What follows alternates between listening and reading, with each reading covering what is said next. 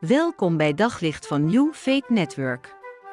Luister elke dag naar een korte overdenking met inspiratie, bemoediging en wijsheid uit de Bijbel en laat Gods woord jouw hart en gedachten verlichten.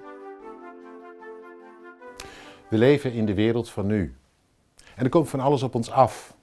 Het trekt, het lokt, het daagt uit. Het verrast, het verbijstert soms ook.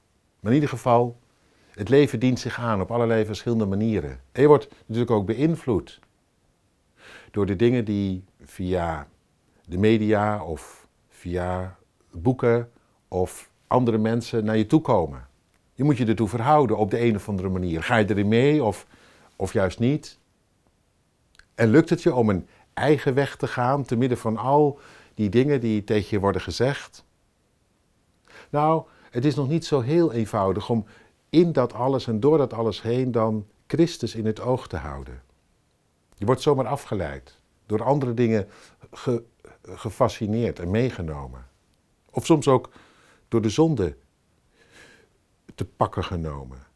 En de zonde is niet alleen iets van buitenaf, maar vooral van binnenuit. Dat maakt het extra ingewikkeld misschien wel. Een verrader binnen de poort. Iets wat jou zomaar ineens de baas wordt. In ieder geval, als je er goed over nadenkt, dan krijgt het zomaar iets van een gevecht. Om Christus te volgen tegen alle geluiden en stemmen en, en soms ook tegen je eigen hart in. Tegen je verlangens, tegen de verleiding. Het staat hier. En Paulus was zich dat heel erg bewust, heel nuchter. Schrijft hij voor mensen van toen, want het was toen al net zo ingewikkeld als nu. Bekleed je, zegt hij in Efeze 6, vers 11, met de hele wapenrusting van God. Opdat je stand kunt houden tegen de listige verleidingen van de duivel.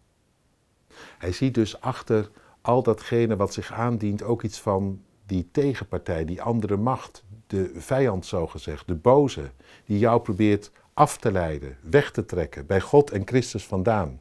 Hij gaat uit van een echt gevecht, want je moet de wapenrusting aandoen, onder de wapens zogezegd, om het vol te houden. Je gaat ook niet in je gewone kloffie het slagveld op. Dan ben je bij voorbaat verloren. Dus ja, er staat echt wat op het spel. En dat zegt hij ook daarna gelijk, want we hebben de strijd niet tegen vlees en bloed. Het gaat niet alleen maar over jezelf en over de mening van wat andere mensen om je heen. Er zitten andere machten en krachten achter.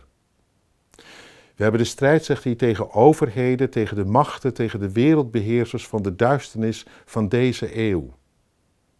Tegen de geestelijke machten van het kwaad in de hemelse gewesten. Ja, dat is een bepaalde manier van zeggen, maar wat hij ermee bedoelt is dat achter al die dingen die op ons afkomen en die zomaar uh, ons willen gaan beheersen, er andere krachten zitten die onze macht te boven gaan. En waar het nu op aankomt is om stand te houden.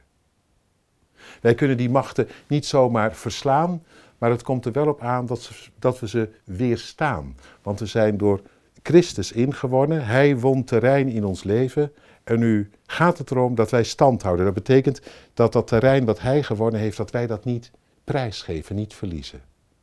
En daarvoor die wapenrusting. We gaan dus niet in de aanval, maar wel in de verdediging. Op zoek naar nog meer geloof, hoop en liefde. Op New Faith Network vind je honderden christelijke films, series en programma's. Nog geen lid? Probeer het 14 dagen gratis op newfaithnetwork.nl.